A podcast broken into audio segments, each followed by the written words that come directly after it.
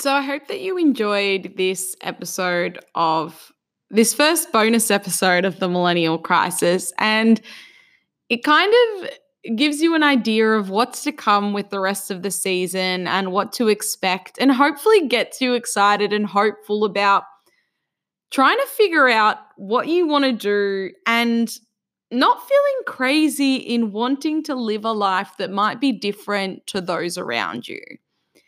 Because the truth is, probably you're not the only one in your friends, family, or community that isn't happy in the life that they're currently living and feels a little wacky or crazy to think that they could want to chase something else or do something else, even if they don't know what that something else might be.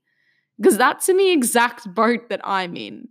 I know that the life I'm currently living isn't the life I want to live, but I don't exactly know what the life I want to live looks like.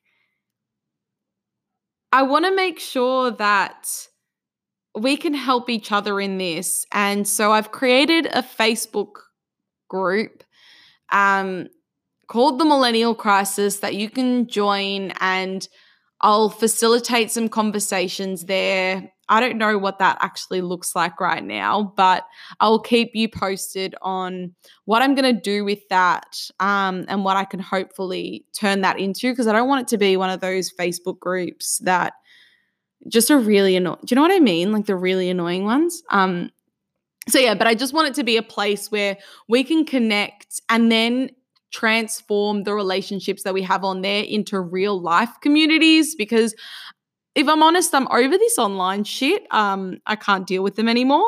Uh, but for now, um, that's what we have to work with. So if you want to jump on board, um, can relate and are excited by this millennial movement that I'm trying to build,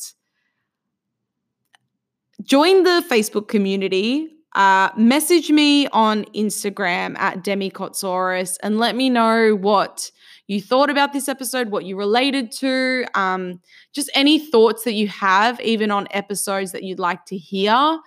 Um, I'd love to know them because, I mean, there's so much shit we can talk about. It's ridiculous. Um, or if you have any suggestions or awesome things that you have done to kind of figure out the lifestyle you want to live, that would be amazing as well. So please send me a DM or jump on the website, themillennialcrisis.com, and contact me there. Um, so yeah, this is the end of my first bonus episode.